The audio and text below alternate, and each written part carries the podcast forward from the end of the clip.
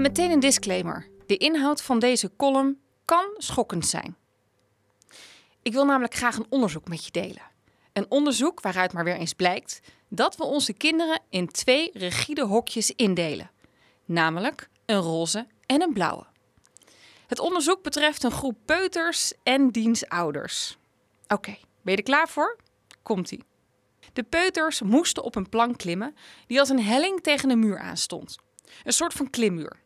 En wat bleek?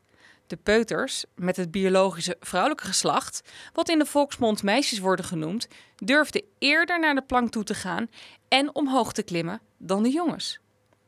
Maar jongens zijn toch vaak veel daadkrachtiger en leiders en zo? Niet dus. Dat leren ze van ons. Goed, het onderzoek nam nog meer stereotypen weg, want het bleek ook dat veruit de meeste meisjes hoger durfden te klimmen dan de peuters met het biologische mannelijke geslacht. En toch is dit voor veel mensen een contra-intuïtief. En dus doen we het in de praktijk meestal omgekeerd. Het onderzoek ging verder. Er werd op een gegeven moment gevraagd aan de desbetreffende ouders om de plank zelf op een bepaalde hoogte te zetten. Misschien raad je het al, de plank werd door de ouders voor hun zonen hoger gezet dan voor hun dochters. En zo gaat het dus ook vaak in het gewone leven.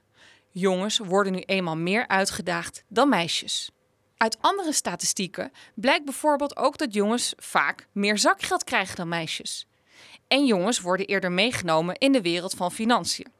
Rekensommen worden toebedeeld aan zonen, dochters worden geprezen om een mooie tekening. En misschien denk je nu: kom op, Patrice, dat is toch al lang niet meer zo? Het antwoord daarop is nee. We gaan nog steeds anders om met onze zonen dan met onze dochters. En misschien doe jij het wel al, hè? Hey, super, zullen we samen een clubje vormen? De maatschappij doet het nog heel vaak niet. Kijk maar eens goed om je heen. Ik vergelijk het vaak met een 3D-bril. De meeste mensen hebben deze nog op. En als je hem afzet, dan is alles ineens blurry. Zo ook bij gender. Het zit zo diep in ons DNA om jongens en meisjes anders te zien, dat het vaak ook onbewust gebeurt. Ja, en ik haal er nog een onderzoek bij. Maar het blijkt bijvoorbeeld ook dat mannen de laatste jaren meer octacyline aanmaken. Dat wordt ook wel het zorghormoon genoemd. En dat komt doordat vaders steeds vaker de zorgrol op zich nemen. Who would have guessed? We doen het dus echt zelf.